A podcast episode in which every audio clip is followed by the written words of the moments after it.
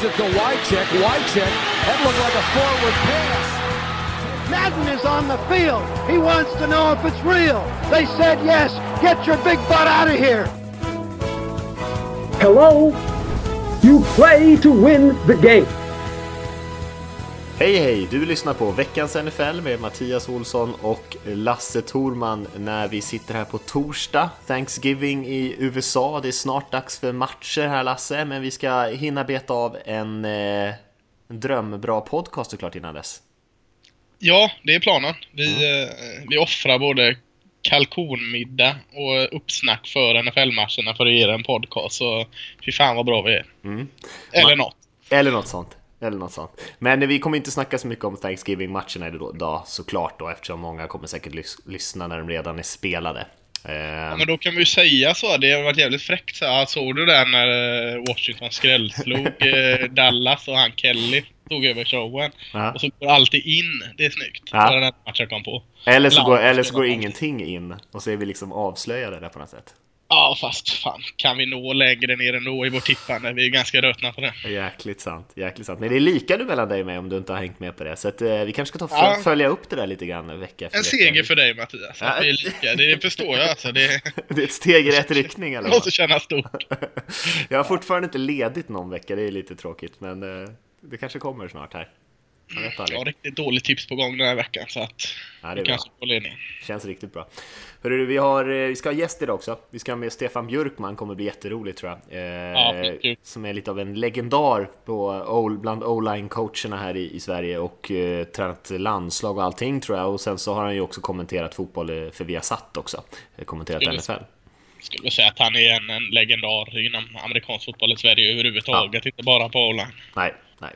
Han har varit med länge, kan mycket. Så det mm. ska bli kul att snacka med honom och, eh, få ut lite kunskap ur honom. Eh, men innan han kommer med så ska vi ta lite korta nyheter och kika lite vad som hände förra helgen, bara i sådär korthet. Och sen som vanligt kommer vi kika på matcherna sen som kommer här nu, eh, vecka 12 och ta lite frågor, snacka lite om den stora veckan i collegefotbollen också och sådär som vi brukar göra. Men vi kan väl börja och säga några ord om Thanksgiving, Lasse, som har en väldigt speciell relation med NFL och fotboll i USA. Jaha, jag trodde du ville att vi skulle prata om när pilgrimarna eh, klev över och Nej, det kan du också göra om du vill. Uh, urbefolkningen, men det, det, det får vi passa vidare till någon historiepodd eller något. Uh, men uh, samarbete med NFL kan ju du dra lite. Nej men det är väl inte mer än så att, man, att det har blivit som en, en väldigt stor del av Thanksgiving-firandet i USA, att man spelar tre NFL-matcher på Eh, på Thanksgiving eh, och det är alltid åtminstone två lag som spelar ju. Dallas spelar ju alltid och Detroit spelar ju alltid. Eh, för det, den tredje laget är inte fast tror jag. Nej, den rullar Den tredje matchen, precis.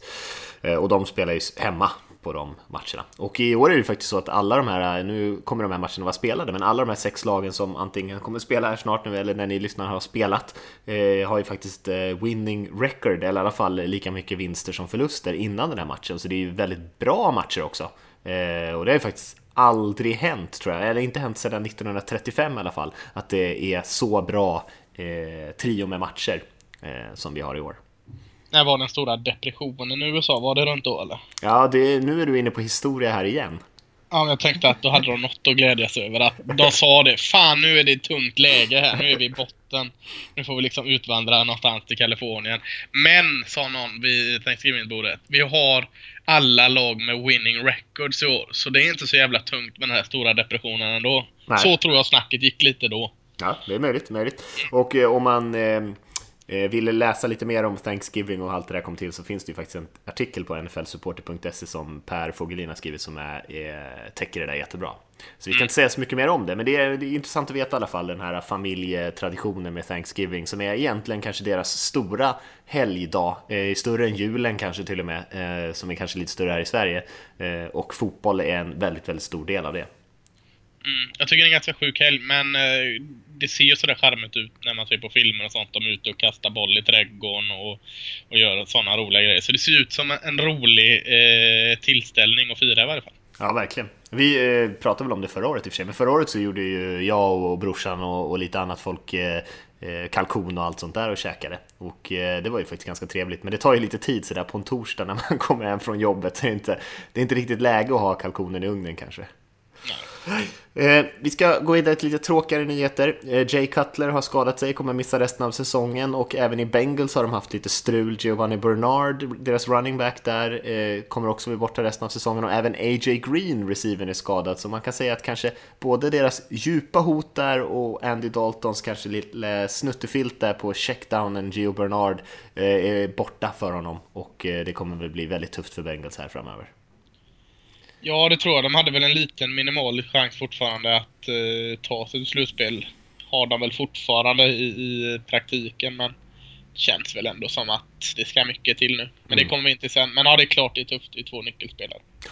Och Brown, eller Bears har ju eh, skadorna också avlöst varandra egentligen hela säsongen här. Eh, och har ju verkligen inte blivit det som eh, de hade hoppats på. De värvar ju ganska tungt eh, den här, inför den här säsongen. Eh, och eh, ah, det funkade inte riktigt helt enkelt.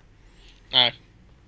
Sen eh, kan vi påminna er, som vi uppmuntrar alla, alla som ville förra veckan, att surfa in på podcastpriset.daytona.se och rösta på eh, veckans NFL, vår podd i, i, eh, i den här tävlingen om årets podcast. finns lite olika kategorier och sånt där, sport bland annat. Om man känner för det så kan man rösta till och med en gång om dagen, men eh, det är väl Får kanske vi något om vi vinner där eller? Nej, eh, det får man nog inte. Tanken är väl egentligen bara att eh, det ska, den ska få lite uppmärksamhet på den, kanske att fler som hittar den. Och, eh, Ja, jag tänkte mest att fan, då kan vi dela med oss till våra lyssnare. Om vi får typ ett kilo lösgodis så kan vi sitta och göra påsar till alla eller något. Eh, Det är ju vår podcast, både din och min och alla som lyssnar. Självklart. Ni, ni röstar ju på er själva också. Självklart så är det. Och eh, inte minst alla bidrag som vi får in i frågor och allting och tips till programmet ju, bidrar ju i högsta grad till att göra den här podden till vad det är. Men vi kan säkert hitta något fint eh, som vi kan hitta på om det går bra för oss. Eh, Då får oavsett de fan rösta alltså. Ska ju inte ge bort bara för det. Bara för att... Lite motkrav måste man ställa. Ja. Eh, nej men det var alla nyheter egentligen Lasse. Vi eh, kan väl kika tillbaka lite grann på vad som hände förra helgen. Det var ju eh, Eh, en hel del eh, intressanta saker som hände. Kanske den eh, mest uppseendeväckande grejen var kanske alla de här missade extra poängen. Slogs ju nytt rekord i antal missade extra poäng som verkar bli en riktig eh, stor faktor den här säsongen som man kanske inte hade trott att det skulle bli. Ja, jag, jag, jag beklagar för alla. Vi har ju en kicker som är automatic va. Han Aha. sätter ju allt. Så jag, jag, Ja. jag kan inte relatera till det. Den Bailey eh, har ju min rygg.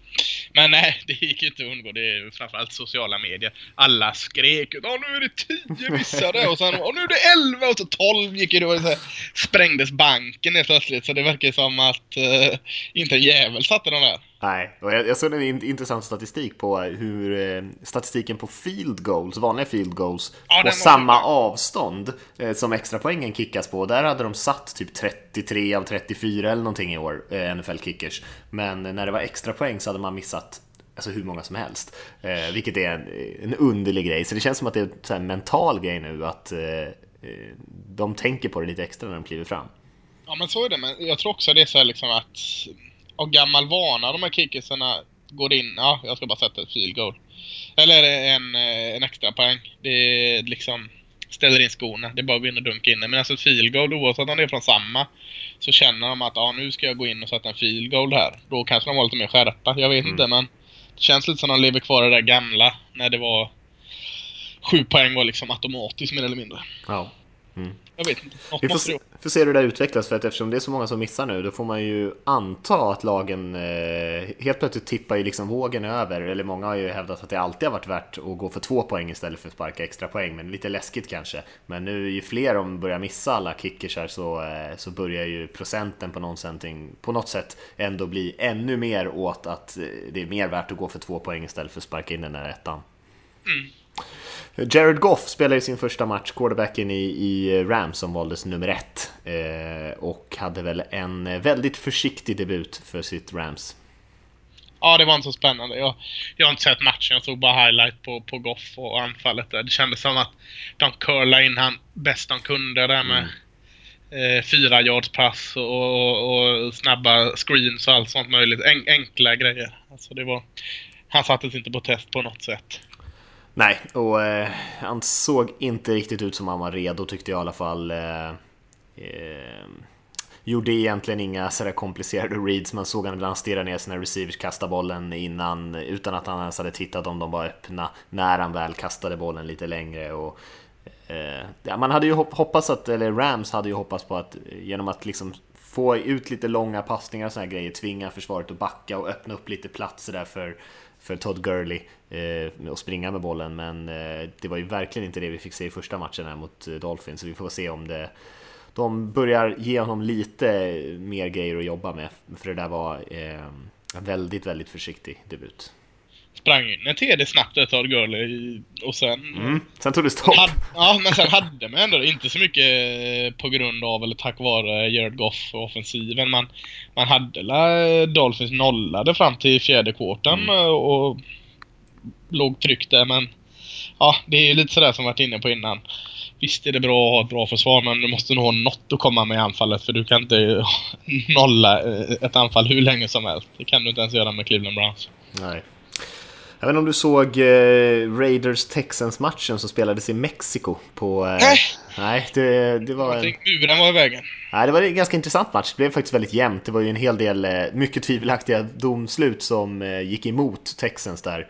Ehm, I två stycken försök bland annat när de skulle ta en yard för att plocka upp en first down både på tredje och fjärde. Så man, det såg ut som att de tog den båda gånger men domarna gav en ingen vidare spot där och sen så en gång blåste de av ett spel när DeAndre Hopkins sprang längs med sidlinjen och var, sprang, hade egentligen sprungit in en touchdown där men eh, de tyckte att han klev utanför banan vilket det inte såg ut som att han gjorde tyckte jag.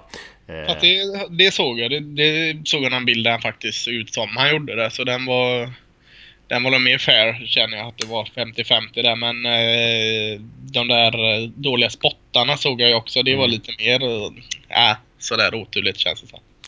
Ja, det var väl inga så katastrofbeslut, men det var väl att det blev många sådär 50-50 beslut som gick emot Texans, så att det kändes som att det blev lite för mycket där. Ehm, och jag, bara, jag tänkte bara, en grej som jag tänkte på när jag såg den här matchen var ju Brock Osweiler, quarterbacken där, som de har betalat väldigt mycket pengar och, och jag tycker han ser eh, långt, långt ifrån redo ut. Eh, han ser ut som en eh, förvirrad rookie tycker jag, där ute. Ingen liksom känsla för eh, vad som händer omkring honom, har aldrig någon koll på playclock, ingen koll på liksom försvarare som springer omkring honom, han får panik under press och så här grejer. Såg ja, väldigt, väldigt skakig ut, vilket han har gjort stora delar av den här säsongen, men oh, han är långt ifrån tycker jag, om han, om, om han någonsin kommer bli riktigt bra.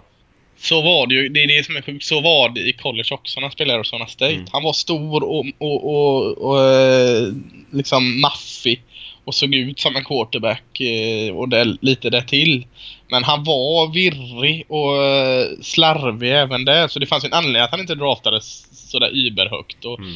Det är klart han hade en, en liten bra period och, och så ser man hans mått, liksom bara kroppsliga och, mäter upp det med, med eh, en hyfsad period så tokade han ut lite för snabbt där men nej, jag har aldrig riktigt förstått hans eh, grej och eh, det är ju lätt att säga nu när det går knackigt men ja, jag, jag är inte, jag tror aldrig det kommer bli en Brock Osweiler believer alltså. Nej, jag är nog med dig där. Eh, däremot såg ju Clowny lysande ut i den här matchen, vilket han har gjort stora delar av säsongen också. Ja. Eh, han är ju en riktigt bra spelare faktiskt och får inte så mycket uppmärksamhet men eh, han är, han är väldigt bra. Tycker det är lite tråkigt för Houston att de får aldrig ha de där två Nej, bra. Det är antingen den ena eller den andra. Eh, den här sista grejen som jag noterade i alla fall, alltså, du får lägga till något sen om du vill, det var att Green Bay Packers förlorade igen då för fjärde matchen i rad här och ligger nu ganska skrynkligt till för att, att nå en slutspelsplats faktiskt. Ja, både i, i, antal segrar och förluster och i hur de faktiskt spelar. För mm. det är inte på något sätt, du kan inte på något sätt säga att Green Bay Packers har varit nära och varit värda någonting på särskilt länge.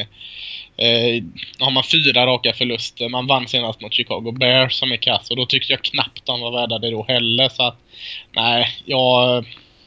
Ja, de Eagles bort där också, det är absolut ingen lätt match. Så nej, jag, jag räknar inte med Green Bay Packers i slutspel. Nej, de har ju två lag framför sig där med två vinster, vinster mer. Både Lions och Vikings ligger på 6-4 medan de är på 4-6 då. Så det kan bli tufft. Ja.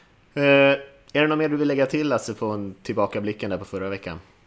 Nej, inte direkt. Jag är lite överraskad att Colts såg så förbaskat bra ut helt plötsligt. Eh, Andrew Luck såg ju väldigt ja, bra ut. Ja, och försvarsmässigt tyckte jag de såg bra ut. Jag har inte sett Colts spela bra försvarsspel på 4-5 år känns det som. Nu har inte jag sett alla matcher med dem, men tyckte alltså inte, inte att de dominerar på något sätt, men de hade i alla fall koll på sina assignments och visste hade en plan så att Ja, det är det här jäkla varannan, varannan omgång. Colts, nu kommer de att se bedrövliga ut nästa omgång. Men, ja. Ja, det är mycket möjligt och de har ju inte Andrew Luck den här veckan heller. de ska ju starta Tolsin där, så det kan ju vara lite klurigt. Eh, med det sagt Lasse, då i så fall hopp, tycker jag vi hoppar vidare och snackar lite med Stefan. Ja, kul!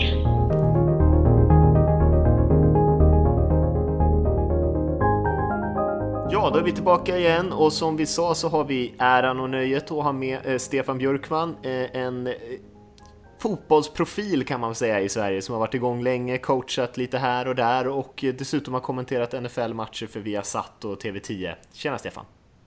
Tjena tjena! Hur är det med dig? Är det bra? Jo, men det är bara bra. Det är, är, är torsdagen så här. Jag ska jobba imorgon 12 timmar så att eh, man är lagom glad. Men sen på lördag sticker jag till Florida i 10 dagar så att eh, jag får, jag får härda ut. Oh. Är det något fotbollsrelaterat du ska ägna dig åt? Jajamensan. Det är, är eh, John Walker är det faktiskt, som den gamla offenskoordinator i herrlandslaget som har ett camp i en veckas tid för svenska ungdomar. Så vi ska möta amerikanska ungdomar.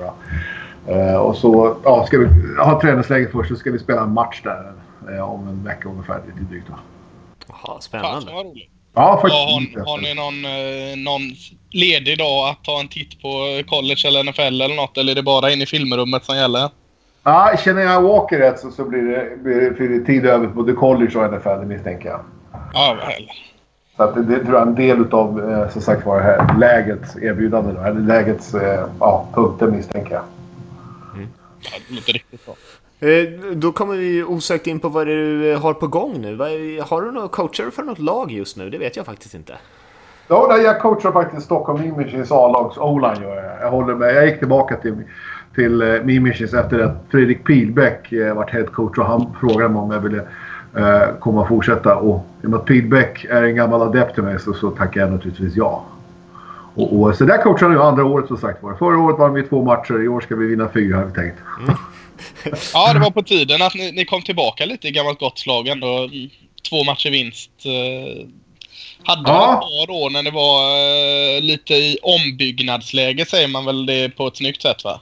Ja, men faktiskt. Vi hade en rejäl generationsomväxling eh, där, generationsväxling där. Så, så eh, vi fick betala för alla år utav eh, eh ja, eh, ledande, som, som ledande topplag om man säger så. Så det fick vi betala rejält som sagt var. Ja, jag sitter ju, jag har ju Dilan-coachen i Göteborg här nu är ju en gammal minmaskinare, Anders Hansson. Han sitter ju varenda bussresa och pratar om eran storhetstid. Så jag, jag, jag har hört det hela vägen ner till Kristianstad, upp och ner hela året. Så. ja, jag kan tänka mig Anders Eivind Hansson. Ja, han har jag coachat också faktiskt. Ja, du får hälsa så gott. En ja, härlig, härlig spelare. Ja. Får man eh, gå tillbaka lite grann i historien, Stefan? Kan du inte berätta lite grann hur du kom in i den amerikanska fotbollen eh, när det begav sig? Ja, det är så här. Jag har alltid velat spela amerikansk fotboll ända sedan jag var liten grabb och jag såg som hastigast på TV vid tillfälle när man var en liten äh, grabb. Men så, så var det, gick jag faktiskt första tillfället jag hade var när jag gick och tittade på tjejen som tog hem spelet för massor med herrar så, som är Goldie Hawn. Mm. Och där på den här biografen så satt en affisch upp eh, Eh, som stod Lidingö Pink Chargers hade satt upp som stod att vill du börja spela amerikansk fotboll? Ja, vad häftigt tyckte jag. Jag har alltid velat gjort. För jag spelade rugby tidigare lite grann i Enköping. Uh, och, eh, så att, och när jag fick den här chansen då, då ja, ringde jag upp eh, Johan Liljehök heter han. Och så, sen resten är väl historia om man säger så. Så jag började i Lidingö Pink Chargers. Jag höll på där några år, lärde mig sporten som sagt var. Sen gick jag bara vidare. Och hamnade i Uppsala efter det. Efter en säsong, proffssäsong i World League med San Antonio Riders. Och eh, spelade med en kille som heter Jason Garrett. Mm, se det. Han, vi var skadade tillsammans som sagt Jag slog sönder mitt pekfinger och han slog sönder axeln. Så vi höll ihop lite grann där. Men han blev inte skadad på grund av att du gjorde ett dåligt jobb i varje fall? Nej, det var faktiskt vår vänstertackle på Washington State som var en riktig sån här quarterback-kille. Vad fick du för intryck av Garrett då, då? Han känns ju som en ganska speciell person ändå. Ja, så sympatisk människa. Eh, en väldigt fantastiskt sympatisk människa som verkligen är nyfiken på dig som person. Eh, lågmäld. Eh, skärpt. Intelligent. Eh, ja, eh, på alla sätt och vis är han en underbar quarterback att spela för. Helt klart. Och ha som kamrat också. Härligt. Då ska man ju kanske säga för de som inte känner igen namnet där, det är ju Dallas Cowboys tränare, eh, Jason Garrett. Ja, det är helt. Eh, hur går det med kommenterandet nu för tiden? Kör du något kommenterande på eh, Viasat? Ja, ja, ja vi, vi har lite schema vi kör där. Eh, Carl-Johan Björk och, Oskar Strauss och jag som sagt. Så nej, men det, det går bra. Eh, jag tycker det, det är kul att gå in och säga. Jag gillar mest och, och, och jag föredrar att sitta och kommentera så här, matcherna. Ja. Kanske än sitta, sitta i studion. Jag känner mig som Leif GW Persson när jag sitter där. så, så att, eh, nej då. Jag tycker det är riktigt skoj för att sitta och prata om någonting man älskar i, i tre timmar. Så att ja, det är riktigt härligt. ja, men det är gött. Mikro ser ut att trivas väldigt bra i studion också, så han gnäller väl inte över det. Nej, nej, nej, nej gud nej. Han är ju som gjord för tv-rutan. Ja, han gillar att ha lite yta omkring så han kan sprida ut sig lite grann sådär. Jo, men det har han. Det tycker jag. Liksom, så här, så, och det är han väl värd, tycker jag verkligen. Efter allt hans slit. Absolut. Men är- har jag fel om du än, även har varit en vända i Indianapolis Pony Express? Jajamensan. Jag spelade, som sagt var, jag har ju spelat eh, en säsong. Eller under ett år spelade jag tre olika ligor. Jag spelade 1987, eller 88 tror jag det var. Då spelade jag i, i Bournemouth Bobcats, engelska ligan. Just det. Eh, och, och 88, 89, 90 spelade jag där. Så att då spelade jag hemma i Sverige också. Den, den engelska säsongen var slut. Men sen 90 så spelade jag i... Åkte jag först och spelade i engelska ligan. Eh, och, och då gick vi till slutspel, hör och häpna, med, med Bournemouth Bobcats. Och, och fick skallarna inslagna av London Olympians. Eh, vilket var lite skoj. Och sen efter det så åkte jag hem till Sverige och spelade med Leading Pink Charles. Då vann vi division 1. Norra tror jag om- om det hette på den tiden. Sen efter det så åkte jag till Indianapolis Pony Express där vår eh, en amerikansk eh, spelare som jag spelat med i eh, Bomb Bobcats spelade just i Indianapolis Pony Express. Så han eh, fixade in mig och min engelska polare. Eh, så då spelade vi där och då gick vi till slutspel gjorde vi.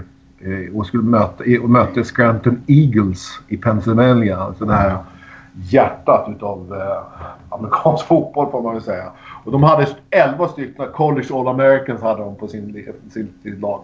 Bland annat hade de eh, Buffalo Bills Scab O-line. Eh, hela den O-line hade de spelandes för sig. Och, och det var en upplevelse som sagt var.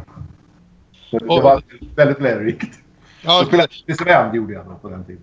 Ja, ja, ja. För jag tänkte det så när jag såg det. Jag alltid tyckt det varit så jäkla bra namn. Jag har väldigt dålig koll på den ligan och det har väl de flesta svenskar också. Men jag har alltid reagerat när jag sett det namnet. Jag tycker det är så skönt namn. Indianapolis Pony Express. Men vad är det? Är det någon... Var det någon, ska jag säga, någon semiprofessionell liga eller hur var det?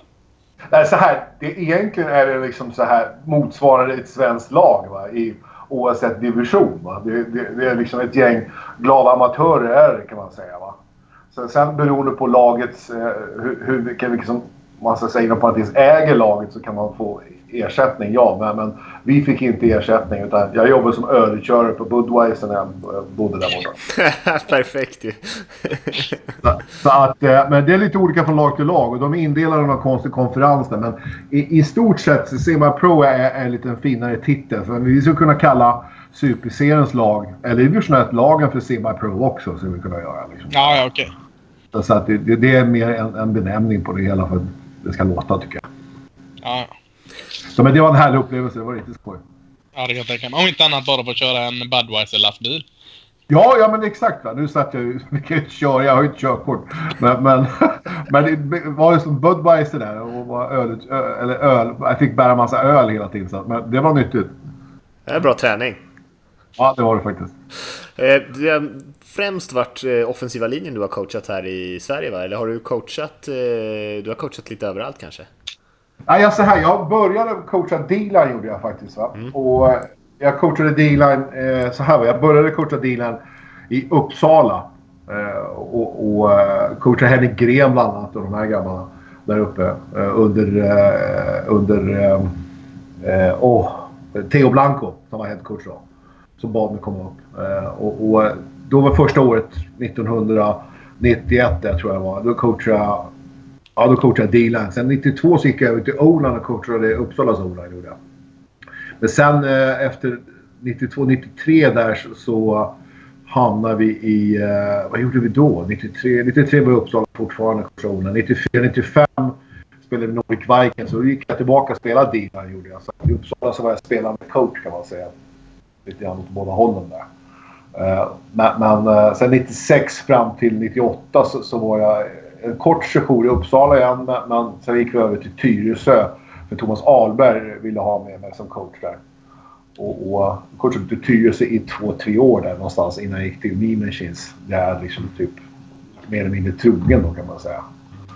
Jag har eh, varit och kollat faktiskt på några Mean Machines matcher och sett dig glida runt där längs sidlinjen. Eh, känns eh, ganska mycket energi på dig måste jag säga, i alla fall de gångerna jag har sett dig eh, coacha runt där. Vad är du för typ av coach?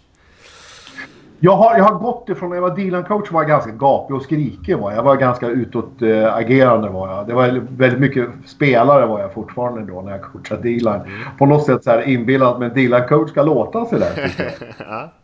och, och sen när, när, det var så här så, så kom eh, Rosenholt, en D-line-kille som började coacha med oss eh, till Mimishis. Och, och han, han kunde D-line innan och utan som sagt var. Då tyckte jag liksom, tyckte eh, fantastisk Robert Johansson att varför inte testa O-line? Eller om det var, ja, jo, det var Robert Johansson. Testa och börja coacha O-line. För det var ett gäng veteraner som behövde typ en fast hand. Mm.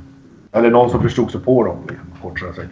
Och, och då gick jag över och började coacha O-line. Och det här var någonstans 90 2000, eh, ja 2000 någonstans, 2001 någonstans. Det blir lite obskyrt efter alla år. Liksom, jag ber om ursäkt för det. Men, uh, och då började jag coacha o faktiskt där. Och sen dess har jag varit, uh, varit o-line hela tiden sen dess då. Sen förutom i landslaget så, så höll jag på några år och coachade D-line i seniorlandslaget gjorde jag. Men, men sen vart jag o för hela slanten. Mm. Mm. Hörru, om vi hoppar över till NFL. Eh, för jag vet att du har ett stort intresse om det, för det också såklart, även fast du brinner för den svenska fotbollen. Vad, vad ser du där? Det sägs ju just nu att det är liksom lite fördel D-line jämfört med den offensiva linjen, är det många som snackar om. Håller du med om den analysen? Jo, men det gör jag. För att mycket, mycket av tekniken är så här också. Menar att den här, eh, deras, deras så kallade kollektivavtal, va, om man får kalla det för det lite mm. Eh, innebär att de får ju träna mindre va, med, med skydd och får träna mindre med coacher. Mm. Och, och, den första positionen som stryker på foten, det är ju faktiskt o-line. För det är liksom speciella tekniker. Man blockar mer med händerna idag än med axlarna som kanske jag och Lars gjorde på vår tid. Mm. Uh, på vår tid så blockar man... Johan Liljehök lärde mig att blocka med vänster fot, höger axel om vi ska springa vänster. Va?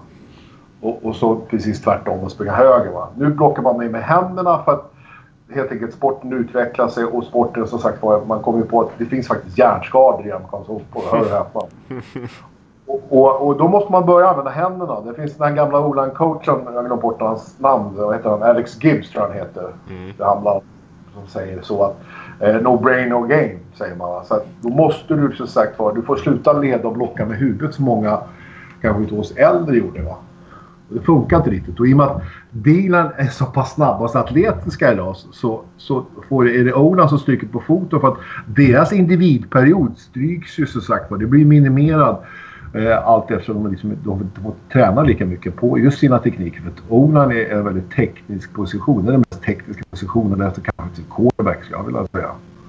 Mm. Intressant. Och, och, och, för att det, är så mycket detaljer som måste stämma. Det är fot, rätt fot, äh, fotarbete och vikt på fötterna, rätt handplacering, det är leverage och så måste du stå och nöta det här. Va? Det är liksom, O-träningarna är ju aldrig roliga. Va? De är väldigt monotona. liksom Jag brukar stå och ställa power step ett steg alltså, med mina online-spelare i en halvtimme. Försöka göra på försäsongen. Och hur kul är det att stå där på en tisdagkväll liksom snön ökar och du står skäggig gubbjävel där och skriker liksom ett steg högre. Som sagt.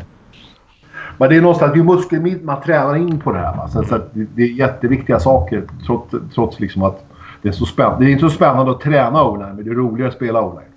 Mm. Mm. Ja, jag, man har fått en, eh, jag håller på och läser Howard Mudds bok där om eh, den offensiva linjecoachen som han har liksom låter olika offensiva linjespelare genom historien, liksom riktiga Hall of Fame-spelare berätta liksom sin historia. Och det var väl det som är kanske gemensamt för många av dem, det är väl att många var väldigt skeptiska när de började spela på den offensiva linjen, men nästan alla lärde sig liksom att älska det så småningom, just det här eh, samarbetet med de andra, det här tekniska och komplexiteten i blockingscheman och sådana här grejer. Så att det liksom fanns en, liksom en gömd hemlighet nästan i positionen som, eh, som är, vad många gillade. Ja, men det stämmer. För jag, jag läste ut den precis också. Mm. Och, och jag, jag, fann den väldigt underhållande. Som sagt, så att jag plockade upp några saker där som, som man lär sig. För fotboll, man lär sig tiden nytt. Man blir aldrig färdig i amerikansk fotboll. Man lär sig hela tiden något nytt. Mm. Och, och, och, det är precis på Ola, det är som du säger. Liksom, så många av de här uh, nfl linemen de börjar ju som D-linemen någon gång där en gång i tiden. Uh, och, och, och, så var de för långsamma och, och, och, exempel och så vidare. Va? Så då fick vi flytta över O-line och på så vis man lär sig det här att arbeta i grupp. För jag menar, och du får ju, det är liksom... Att kunna få spela O-line får ju chans att faktiskt köra över någon helt lagligt. Eh, jämfört med D-linen, han ska ju inte köra över dig utan han ska ju bollbära. Och, ja. och, man, den fördelen som sagt var. Så att, ja, det, det, det är ju som sagt var... Det, det som Olan, Olan-spelare, Olan-coacher kallas för, för uh, champinjoner, mushrooms. Då. Som, de finns i mörkret och tränar i mörkret och, och, växer och frodas. Och sen plockar man fram dem när man behöver dem. Mm. Och, och, det finns till och med en liten, liten, ett sällskap som heter Mushroom, Mushroom Society i NFL. Eh, där de har egna konferenser. Det är bara Olan-coacher från college och NFL då, som pratar blockningsscheman i två dagar. Hörru, har du några, eh, några offensiva linjer eller några lag och deras offensiva linjer som du tycker gör ett bra jobb i år? För att vi snackar ju om att det kanske är lite fördel D-line just nu, men det finns ju ett par lag ändå som, eh, som ändå lyckas spela bra offensivt linjespel. Har du några som du tänker på? Ja, Dallas, Dallas Cowboys offensivlinje exempelvis. Va? Mm. Jag såg, jag såg match, jag kommenterade matchen Dallas Cowboys Baltimore Ravens i helgen som var. Och, och, ser man på det sättet som Dallas Cowboys spelar sin outside zone exempelvis, eller inside zone va, jämfört med Baltimore Ravens va, så ser det Baltimore Ravens ut som ett koutsläpp när de spelar sin zon. Medan Cowboys, det, kött, det ser så stilrent ut. Och det är liksom, det är poesi i motion liksom. det, det, är härligt att se. Just Dallas Cowboys offensivlinje är, är, är härlig att se. Alltså, det är just min favorit o den här säsongen får man säga. Ja, det, är ju som du, det är ju som du säger också Stefan, det ser ju så enkelt ut och i, i synk allting men det kommer ju från det du säger när man står där i det kalla vädret, det regnar eller snöar och du nöter ett steg, ett steg, ett steg, ett steg och du bara väntar som linjeman, kan vi inte bara få köra ut steget, köra två steg? Det är ju inte att det kommer gratis, alltså det är den här nötandet, nötandet, den här skittråkiga träningen som ger, ger alltså utdelning i att det ser så jäkla synkat ut. Ja men verkligen. Och den nötande på släden. Jag ska älska att ha en femmannasläde men ja, eh, jag får fortsätta önska den tills Feedback har råd att köpa en. Men, men, men, ja, men det, är liksom, just de här två sakerna, de här sakerna som du säger Lars. Liksom, det är nötande som sätter sig. Liksom, så här. Och, och i och med att zonblockens schema, med tanke på att på varje träning, om vi tar NFL-lagen så kanske liksom så här, om man har 40 minuters individperiod på en träning så är det bra. Det är väldigt mycket under matchsäsong. Vilket jag tror inte de kan. Jag max 30 kan de ha. Då gäller det att du har enkla spelscheman som sagt va, som du nöter. Va. Ju mindre antal blockningsscheman du har att träna på, det vill säga zonblocking och så har du gap scheme. Så i gap scheme så finns det de man-blocken. Eller man-blocken är ju gap scheme. Och, och, har du två blockningsscheman på springspel du ska nöta, så räcker det. Va? För du får tänka på sen ska du nöta passblockering också. Va?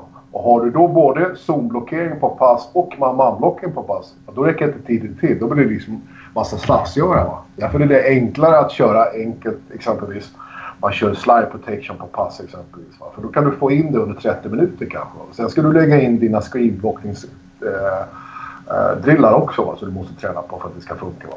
Så ju mindre, så man ser ju hur gamla Cowboys, de har ju krympt sitt blockningsschema misstänker jag. Liksom, så här, va? Till, till, att kunna nöta de här sakerna väldigt bra istället. Va?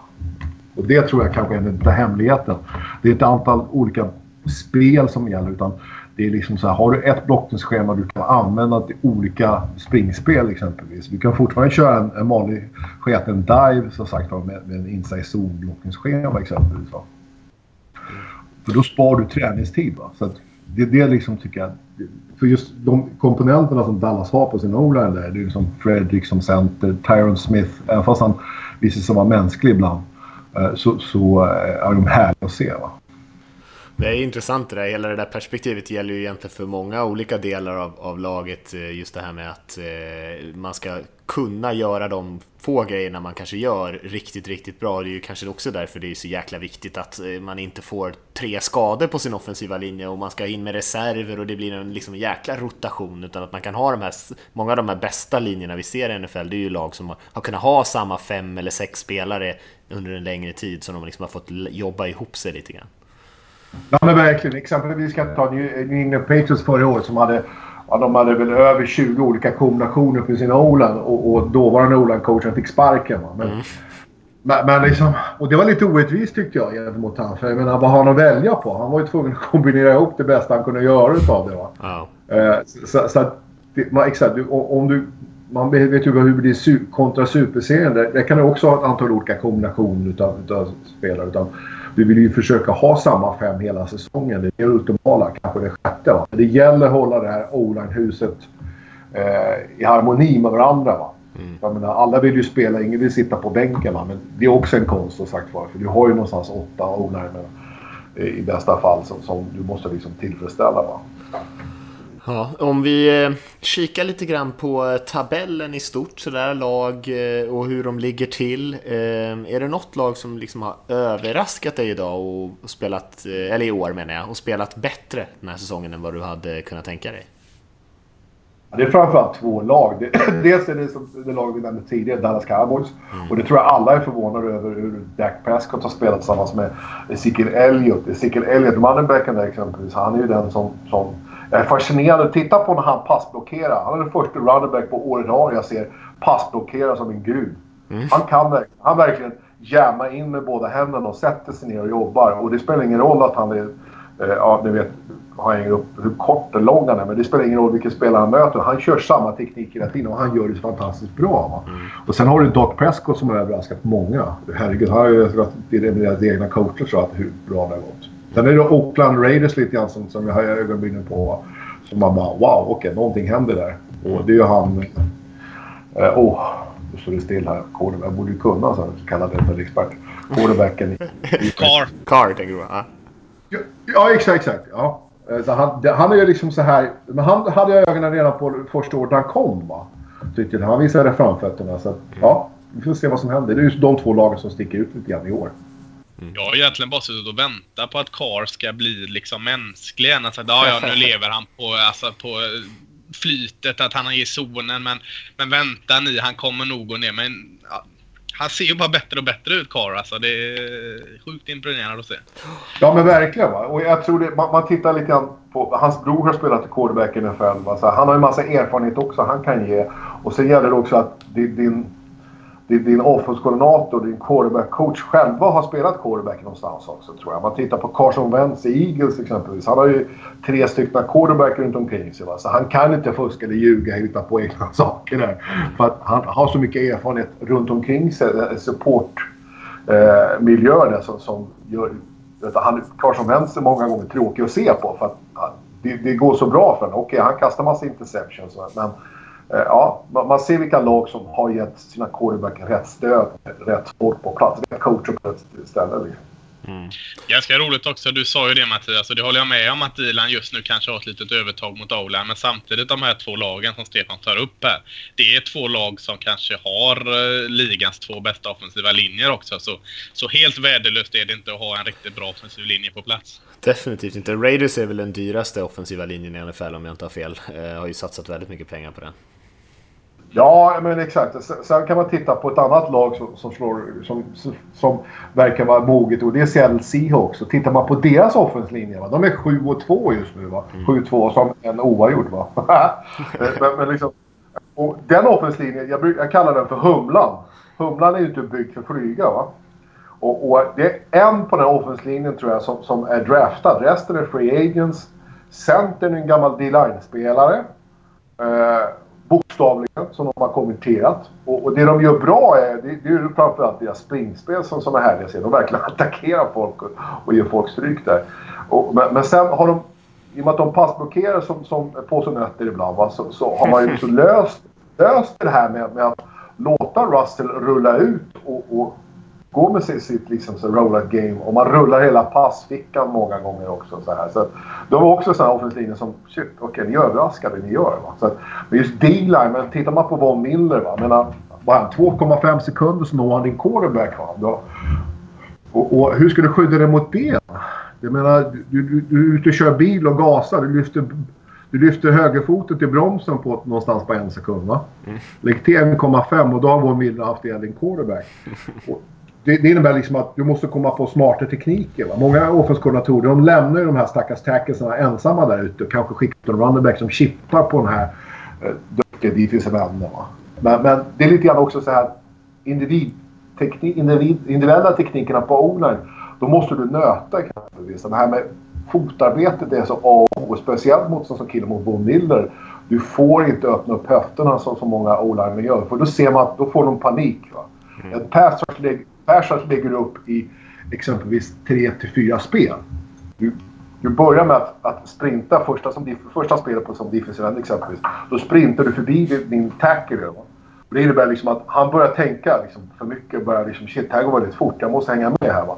Det är då han vänder upp sina höfter. Va? Och när han väl har behövt sina höfter, det är då du väljer insidan. Och då är han körd. Va? Eller så kör du rätt över den här tacken. Tack vare att han står med sina höfter parallella mot sidlinjen. Och då är han om du tittar på en 7-6-pass exempelvis, som många NFL-lag envisas med att göra. Eh, så, så då är du körd. Va? Då har du rätt vinkel till quarterbacken. Så det är mycket också sådana här liksom... Man frågar sig vad många olika coacher pysslar med egentligen också. Liksom. Ja, vi pratade faktiskt lite om det eh, innan eh, programmet här, eh, för Lasse håller ju på cowboys, jag håller ju på Seahawks, så det är ju helt olika filosofier där. Dallas som verkligen känner att deras o-line är liksom hjärtat av laget och det är ju jätteframgångsrikt för dem. Seahawks å andra sidan gör liksom en medveten grej att man inte lägger en massa pengar och draftval på sin offensiva linje och så litar man liksom till Tom Cable som de har där som coach, är ju en väldigt respekterad o-line coach. Att han liksom kan coacha upp som du säger gamla D-line spelare, odraftade spelare och så får han liksom försöka trolla med det lilla han får där av, av ledningen och sen så, så blir det som det blir. Och han gör ju ett ganska bra jobb med tanke på att han får väldigt lite resurser att jobba med. Men linjen är ju inte i närheten såklart av cowboys eh, i produktivitet liksom. Nej, nej, men liksom, nej, Tom Cable är en fantastisk coach och, och all heder till han. han lyckas med det material han får i handen. Ja, hyfsat i alla fall. ja, exakt. Och det, det är lite grann som Howard Mudds beskriver liksom så här att här är din skit, se vad du kan göra av den. Liksom. Ja, är lite så. Tack. så, så, ja, nej, det, men jag gillar Seahawks offenslinje. Jag menar, det, det, den, de, de, de, de, deras inside zone är så härlig att se för de verkligen går ut att de spelar som ett gäng D-linemen på o gör de tycker jag många gånger. Med, Medan Cowboys och o de är mer systematiska där liksom så här på vänster. Liksom, så att, att ja, ja, det är härligt att se. Mm. Är, är det något mer? Om vi, om vi tänker så här, vilka är liksom de riktiga utmanarna som du ser det? Liksom, vilka, är, vilka har chans att gå och vinna Super Bowl i år? Är det de här tre lagen du räknar upp eller är det någon annan du tänker på? Ja, det, det, det Seattle Seahawks med sitt... Men det, Seattle Seahawks defense börjar bli så här överjävliga igen. Va? De börjar bli liksom som Casa Crusaders defense. Liksom så här, va? Man vet att man kommer åka på stryk. Frågar bara hur ont det kommer göra. Va? Så att liksom, dels de och dels har du Dallas Cowboys och dels eh, Raiders som jag håller ögonen på. Sen Patriots är alltid Patriots och de håller jag som det fjärde favoritlaget där. Det finns en grupp utav lag får man väl säga som, som, som är, är, större utmanare än de andra. Va? Peka ut någon Super Bowl-vinnare bland de här fyra är svårt. Atlanta Falcons har spelat jättebra i år men deras defense är lite suspekt och, och, jag tycker även anfallet kan vara lite suspekt ibland. Lite väl ojämnt som sagt var. Va? För att Falcon ska kunna bli en Super Bowl-utmanare så måste deras defense kunna bära, orka bära laget i fyra kvartar. Och det orkar deras lag inte göra. Va? Deras försvar inte göra riktigt tycker jag. Så det är de här fyra lagen framför allt som jag tycker att... Ja. Eh, Chiefs och, när, och Andy Reid är någon som jag undrar tillsammans med, med, eh, Arizonas headcoach Arians. Så är de här två coacherna som jag undrar att de ska vinna sin Super Bowl någon gång. Men ja, jag har svårt att se Chiefs kunna lyckas hela vägen med det här. Va? Eh, och likaså eh, Arizona är ju liksom inte ett misslyckat kapitel då, men, men ja, jag har svårt att se. Det var några så kallade expertkom- eller nej, nu ska jag försöka. Några kollegor till mig som kommenterade också som tyckte Arizona är ett favoritlag i år. Mhm. De fick äta upp det där tror jag redan nu. Ja, det är väl de som, som, som de som tippar Panthers i Super Bowl eller något sånt där. Ja, inte de tippade Colts förra året tror jag. Eh, ja, eh, grymt att du var med Stefan. Vi ska faktiskt ta och släppa iväg det här så att du ska hinna kolla på lite eh, Thanksgiving-fotboll här också. Ehm, och eh, vi ska snacka vidare och ta lite frågor, men eh, vi får tacka dig för att du var med Stefan. Grymt kul att ha med dig. Jag hoppas att du inte tyckte att vi var för jobbiga och att du orkar komma tillbaka någon annan gång kanske. Ja, gärna. Tack för att ni vill ha mig. Det var bara skoj att få prata lite fotboll. Ja, det var skitkul. Skitkul med. Det känns bara som att vi börjar skrapa på ytan här. Jag tror vi, vi gör så här, vi petar bort det i ett avsnitt Mattias, så kör vi o-line en och en halv timme. Det, det tror jag, eh, då kommer lyssnarantalet gå upp i taket. För det här, det här är fantastiskt. Given, given succé tror jag. Ja, grymt. Jag håller med. Ja, jättetack för att jag fick vara med.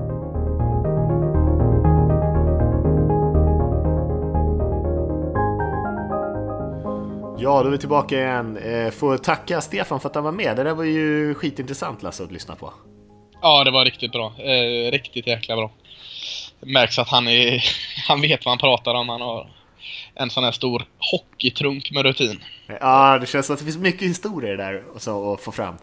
Mm. Nej, det var gott att få suga ut lite honom. Hoppas vi får med han eh, igen snart. Det gör jag med. Och eh, som sagt, vi ska eh, speeda vidare här genom programmet. Eh, och vi kan väl börja och kolla lite grann framåt matcherna som kommer spelas den här eh, helgen. Och som sagt, vi snackar inte Thanksgiving-matcher idag, efter, även fast det, de inte har börjat än, eftersom de flesta kommer som ska lyssna efter. Men är det någon match som ser lite extra spännande ut tycker du?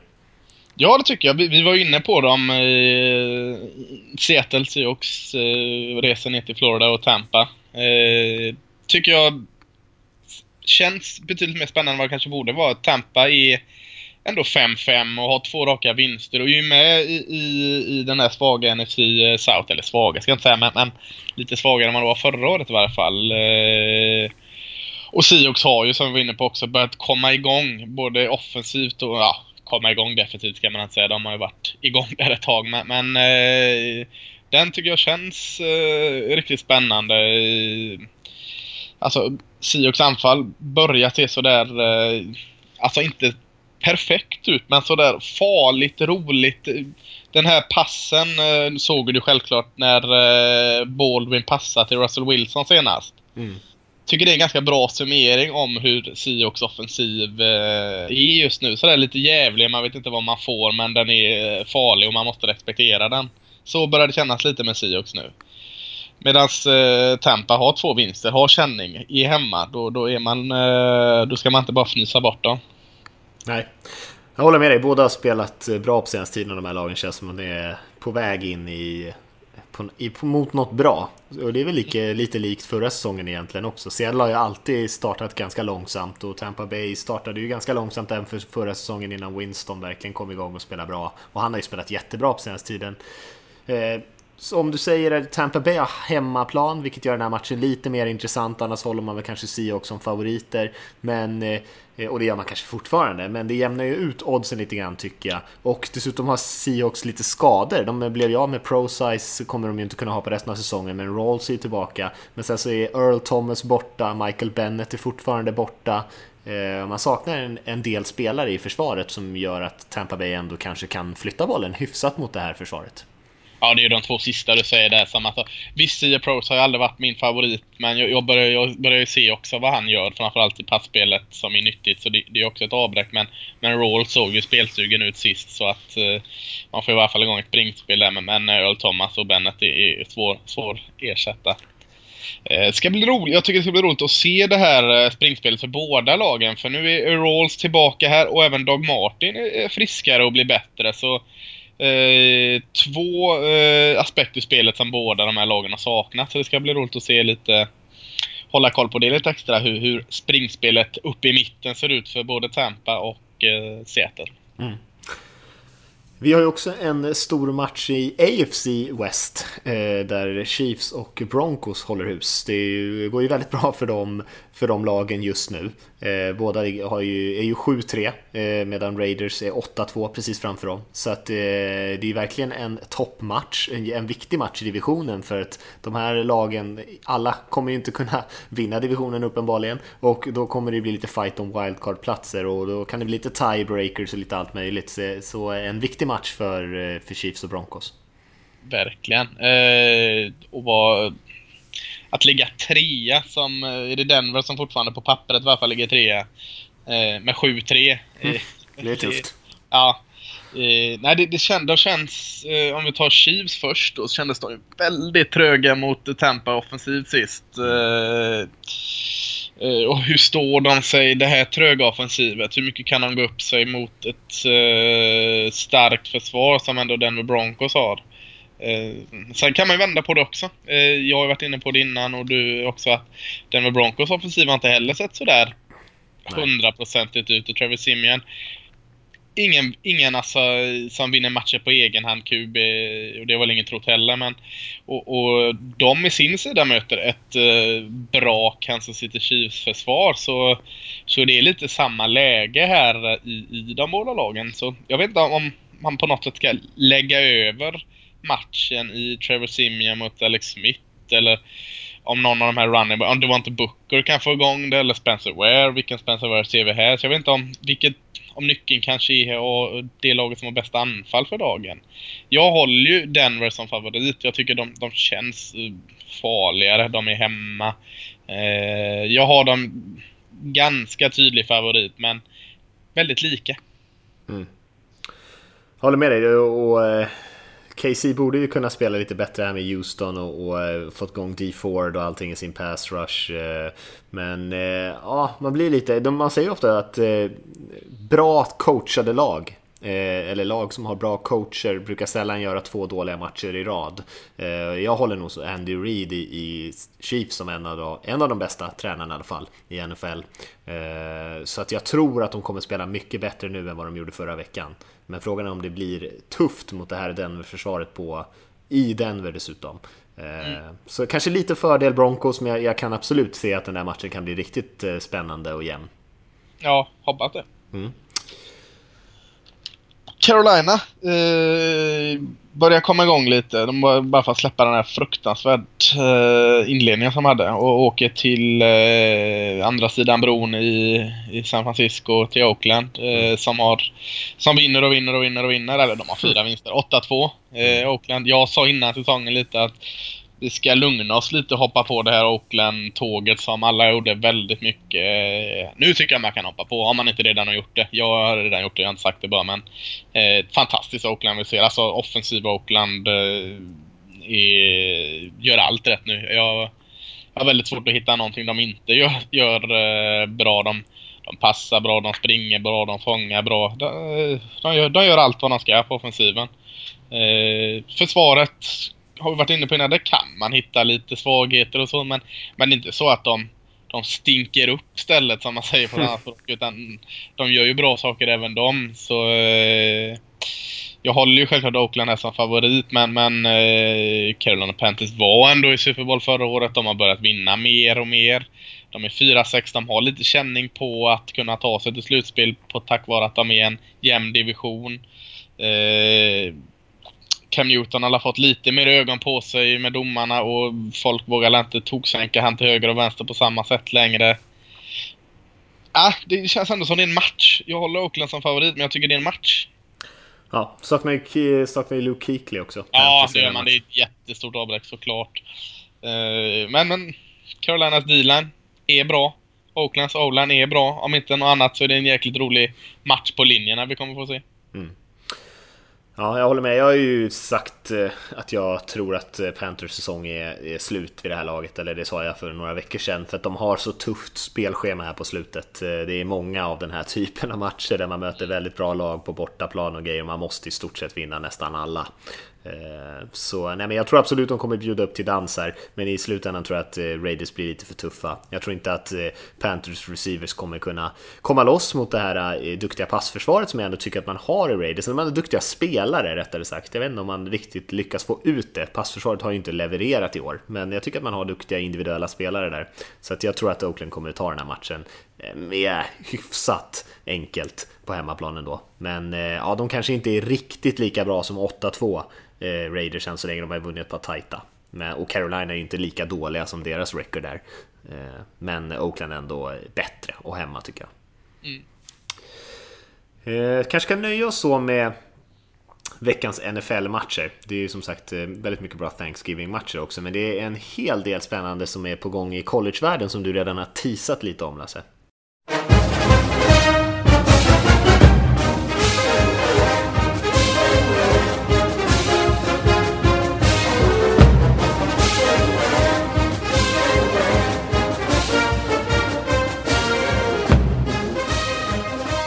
Det är den här veckan som är, alltså det är alldeles, alldeles, alldeles för mycket bra i en och samma vecka. Jag, jag blir ju ständigt förbannad över att de pumpar in så mycket matcher. Eh, sista alla de här rivalmatcherna. Eh, det är klart man som lag vill lägga den stora matchen sist men men det är ju alla de här matcherna. Du har, du har Iron Ball, Alabama, Auburn, du har The Game, Ohio State, Michigan och du har Eh, Civil War, Washington eller eh, Oregon, Oregon State. Alltså du kan mala på med nästan 20 sådana här matcher som är eh, riktigt goda rivalmatcher. Eh. Men, men det är ju sista eh, grundserieveckan kan man säga. För efter den här veckan så är det konferensfinaler mellan vinnaren i sig öst eller väst eller hur de nu väljer att dela in det. Och det, det är ganska mycket eh, som står på spel. Jag ska inte älta alla scenarier och mala på i evigheter. Det, eh, det la jag upp en artikel på, på hemsidan häromdagen om man vill gotta ner sig ytterligare i det. Men, men vi kan ju bara kolla läget i de fem stora väldigt snabbt. Alltså i, i SEC kan vi egentligen hoppa över eh, den stora, eh, kanske bästa konferensen i hela. Där, där är det klart att från västra divisionen så spelar Alabama och från östra så spelar Florida i final. Eh, så, så, så, den kan vi gå förbi. Men, men Big Ten då som är mer uppe i norr runt sjöarna där, där, där är det riktigt, riktigt, riktigt roligt. Den här matchen mellan eh, Michigan och Ohio State är ju alltså en av de största rivalmatcherna eller största matcherna i USA oavsett nivå och sport. Den är ju, den kallas The Game, den, den är det är ont blod mellan de här två skolorna och, och den är alltid eh, hur stor som helst egentligen. Och, och nu är det så att både Michigan och Ohio State ligger 10-1 totalt och 7-1 inom divisionen. Så eh, ska det inte vara nog med att det är en stor match innan så är det ju stor chans att vinnaren här tar sig då ett till konferensfinalen och två säkrar en plats i slutspelet. Så det, var den inte stor innan så är den ju helt enormt stor här nu. Det, det, den måste man nästan se oavsett om man har schack som största hobby så måste du sätta dig och kolla den här matchen. Så jäkla viktig är den. Eh, för att göra det ännu spännande den här östra så ligger Penn State där bakom och, och lurar så, som har slått Ohio State så skulle skulle Ohio State vinna mot Michigan och Penn State i sin tur vinna sin match då går ingen av Michigan och Ohio State vidare till, då tar Penn State det från ingenstans. Och det, det är många, många roliga ekvationer där. I västra där har du, står det mellan Nebraska och Wisconsin. Eh, spännande det också, men inte så enormt spännande som den eh, Ohio State Michigan med Penn State som någon form av twist. Sen har du i, i, i ACC, där har du Clemson klara på ena sidan och så står det mellan North Carolina och Virginia Tech på, på eh, den andra divisionen. Eh, Pac-12, eh, västkustkonferensen, eh, där, där, där är det också sådana här härliga scenarier. I, i, I den norra divisionen står det mellan de här två Washington-skolorna. Eh, Washington och Washington State, som dessutom möts också, precis som Ohio State och Michigan. En match som är som oftast har inte varit betytt så mycket för ingen av dem har riktigt varit med i, i, eh, i slutet. Nu är båda med här och möts den här matchen enormt. I södra divisionen där står det mellan USC som kanske är det hetaste laget av alla just nu. Eh, och Colorado. Eh, så där har, har vi en liten, liten summering. Eh, jag skulle kunna älta den ännu mer men men ska jag bara ringa in någon eller två matcher som, som du måste, måste verkligen se så är det den här matchen jag pratar om, Ohio State-Michigan. Den, den är så fantastisk eh, mycket på spel. Ranken det är ju fyra lag i slutspel. Alabama rankas etta. Sen har du Ohio State tvåa, Michigan trea och Clemson just nu på fjärde plats. Och en till är ju Washington, Washington State just för att den matchen har så sällan haft betydelse och nu är den jätteviktig. Så, Eh, jag kommer eh, inte få så mycket sömn. Jag, jag, kan aldrig begränsa mig riktigt med hur många matcher jag ska se. Men, men ska ni bara se två så, så rekommenderar jag dem. Mm. Det här är ju tiden på året när till och med jag börjar kolla på lite collegefotboll som inte är alldeles för eh, slö för att hänga med hela säsongen. Ja, och alltså, man, alltså nu är väl antagligen de flesta som lyssnar på den här podcasten fotbollsintresserade. Jag skulle säga att man behöver inte ens vara fotbollsintresserad för de här sista eh, rivalmatcherna. Det är så mycket fest, pompa och ståt kring dem så att det är bara, det är bara roligt att kolla ett event. Mm. Mm. Vi har faktiskt en, en, fråga, vi pratade lite grann om Michigan där, vi har en, eh, en collegefråga. Och vi kan ju säga så här att om man vill skicka in frågor så är det podcast at nflsupporter.se som man mejlar in till. Och vi har fått en fråga om Jim Harbaugh här. Tja! Eh, min fråga är varför inget lag har tagit Jim Harbaugh som coach, något NFL-lag alltså. Tjänar han bättre i Michigan eller har han dåligt rykte bara? Ja, han... Ja, vad sa du Mattias? Nej, kör du, kör du. Ja.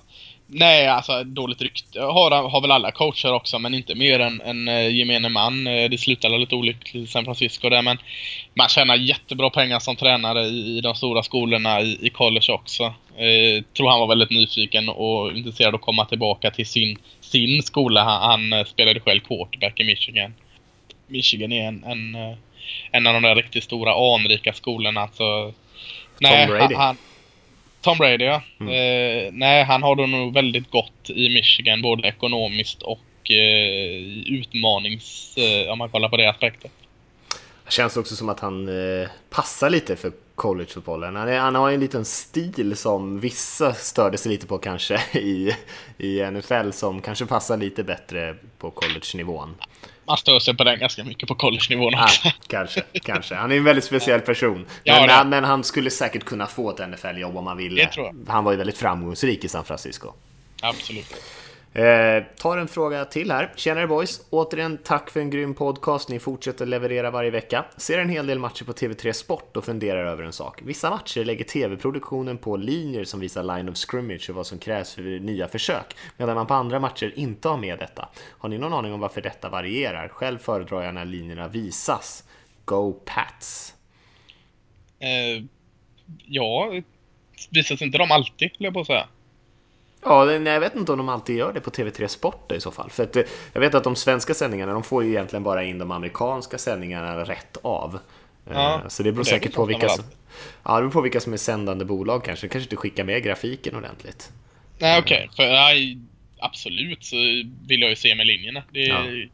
så mycket enklare än att sitta och leta efter de här röda vid sidlinjen eller behöver ha spetsa öronen varje gång de säger vilken down och distance det är. Så nej, det är, det är väl nog bristfällig grafik skulle jag säga enda, enda anledningen att man inte visar dem för att det vill nog alla ha.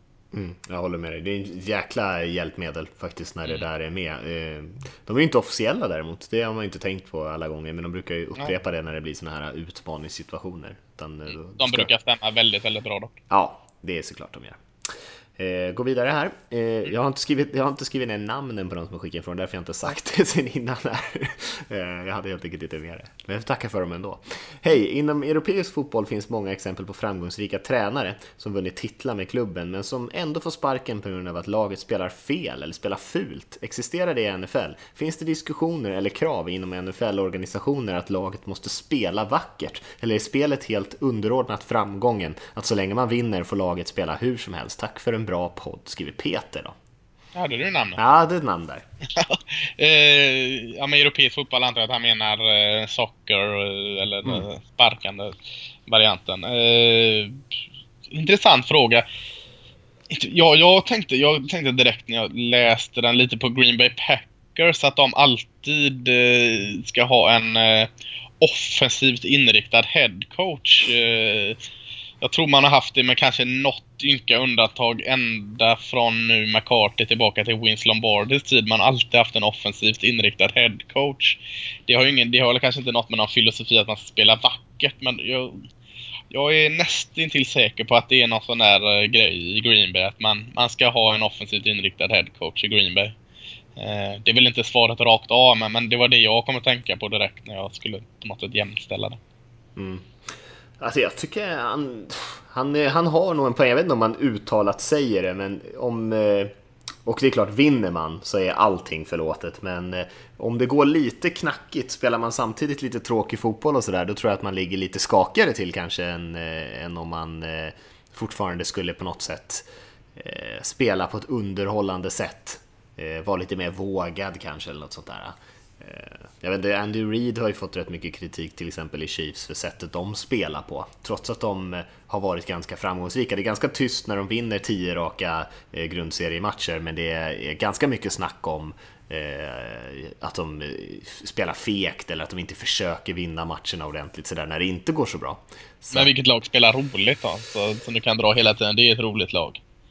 Det är ju Hela tiden, ja det är väl svårt att säga kanske. Men det finns ju många som har en väldigt offensiv typ av fotboll. Eh, Saints till exempel har väl alltid haft en bra, ett bra anfall, gör mycket poäng. Eh, sånt kan man ju gilla. Ja, det är sant. Det är, det är ju lite underhållning över det hela också såklart. Om fansen inte är underhållna och laget kanske inte går till slutspel varje år och sånt där, då blir det ju tuffare tror jag att hålla kvar jobbet. Men jag tror inte någon skulle säga det högt direkt. Nej, nej kanske. Eh, Håkan har skickat in en fråga också. Eh, Hej på er, som alltid, bra jobbat. En fråga som jag är lite nyfiken på bara. Hur är det med radiokommunikationen på och runt planen? Att quarterbacken får ha mottagare i hjälmen är ju självklart, men vilka mer har det? Får alla ha det eller bara vissa spelare? Jag tänker att om alla skulle få ha det så kan ju koordinatorerna kalla spelen direkt i hjälmen så att säga. Om ni har lust så dra gärna lite kring detta. Är det så också att man ropar på kuben precis innan spel om något ser fel ut? Eller är det då upp till spelarna på planen att se detta? Tack så länge, säger Håkan. Mm. Go nuts! Lasse. ja du Lasse.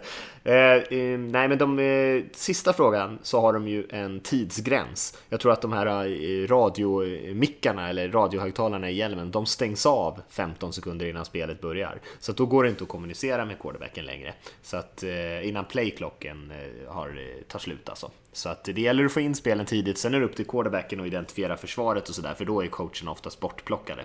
I college så kan man ju se coacherna göra handsignaler och annat. Och, ja, här stora skyltarna med ja. roliga budskap och sånt. För då försöker de ju signalera och hjälpa kanske lite mindre erfarna quarterbacks. Men det skulle ju inte funka riktigt i NFL för att så skulle försvaret såklart se de här grejerna och lista ut det på något sätt och sådär. Eh, för försvarsspelarna är så mycket mer rutinerade där också. Ja, eh, antal eh, högtalare där i hjälmarna så är det ju en i offensiven och en i defensiven som får ha. Du ser en sån här liten grön prick bak på hjälmen. Det är de som har eh, ljud i sina hjälmar och allt som oftast, eller ja, alltid är det ju quarterbacken på offensiven och, och väldigt ofta så hittar du en, en uh, linebacker på insidan där som är någon form av styr och ställare i, i försvaret. Mm. Ja, det, det är så jag har förstått det också. Ja. Eh, men det skulle ju vara intressant om man kunde kalla spelen i hjälmen på alla. Vi såg ju här eh, när Eagles spelade senast och Nelson Aguilar inte ställde upp rätt. Han, stod, eh, han skulle stå på line of scrimmage egentligen. Det var liksom eh, formationen, men han stod en meter bak från line of scrimmage så att det blev liksom en illegal formation. Så fick de ett penalty istället och det blev en jättelång touchdown som de fick stryka helt enkelt för att han mm. stod på fel ställe. Och då stod ju coacherna som galningar och skrek och viftade på sidlinjen och lyckades inte få tag i hans uppmärksamhet liksom. Eh, så att eh, de hade nog gärna velat haft en liten mikrofon där. Kunde ju tagit en timeout också. Ja, kunde de såklart ha gjort.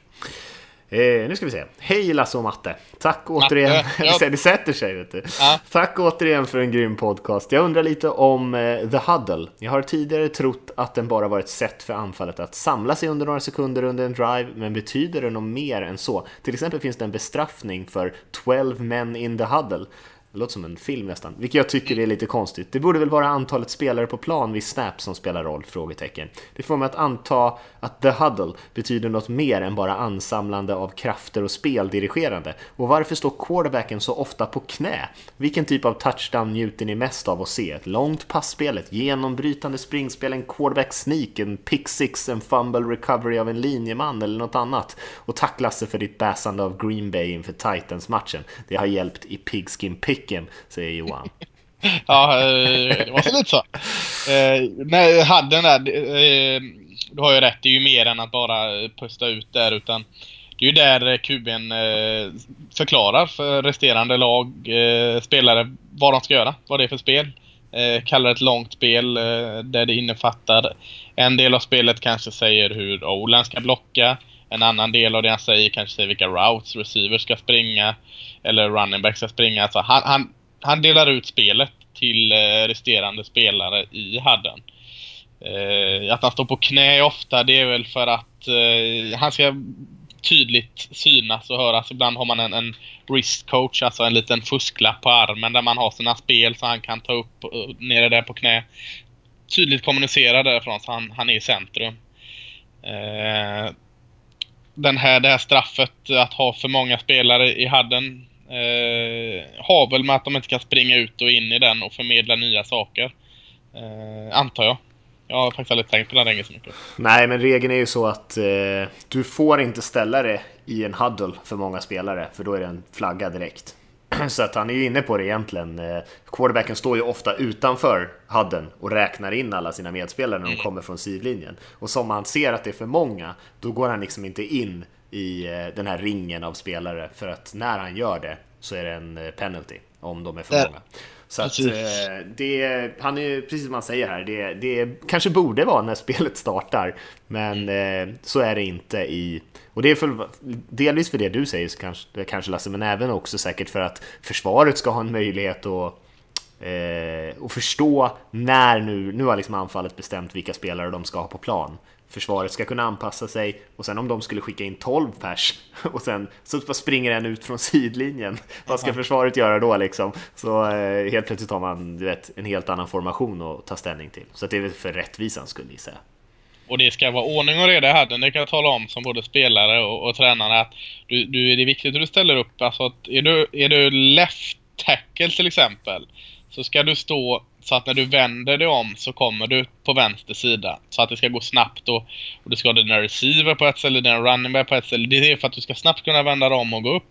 Men samtidigt för också för att kuben snabbt ska kunna brr, brr, brr. Ja, där har vi. Nu kan jag gå in och säga spelet. Uh, så det är ordning och reda och du ska inte hålla på något jävla kafferep i hadden. Där lyssnar, du på vad, där lyssnar du på vad kuben säger och håller käft. Uh, så det inte blir jäkla hönsgård där inne. Jag har alltid tänkt på det där i typ amerikanska filmer, du vet, när de står liksom i den här hudden så, liksom, så antingen står de och pratar om vad som helst eller så liksom står de och håller något så här eldigt tal där inne i liksom the huddle. Uh, och jag antar att det inte händer sådär jätteofta att uh, quarterbacken hinner med det. Uh, Nej, om det inte är liksom pau paus eller någonting eldiga talen är mer Olan för helvete, håll honom håll längre, jag behöver mer tid. Det är så eldigt är det. sen har vi ju, sen har vi no huddle också som är eh, för att spela ett snabbare tempo. Det kanske är att man har ont om tid eller att man vill trötta ut försvar. Då ropar ju QB'n ut eh, ofta kortkommandor som man har för no huddle när man ställer upp. Så då, då, du hör ibland QB'n ropar ut långa eh, slingor av ord ihop. Eh, då gör man det för att hålla igång tempot. För tar du en huddle så tar ju spelet längre tid och till nästa spel hela tiden. Ja.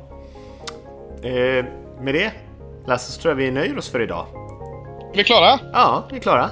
Eh, ja. Dags att, att, eh, börja käka kalkon, kolla på fotbollen. Och eh, vi får väl säga ytterligare tack till Stefan Björkman som var med och, och eh, gjorde den här podcasten minst tre, fyra gånger så bra som den hade varit annars. Och mm. eh, så eh, får vi tacka alla er där ute som har lyssnat. Ni får gärna som sagt gå in och rösta i den här podcastpriset på Daytona.se och eh, ni får gärna hjälpa oss sprida podden, skicka in frågor eller förslag på vad ni skulle vilja höra om, om ni har några gäster eller några andra frågor.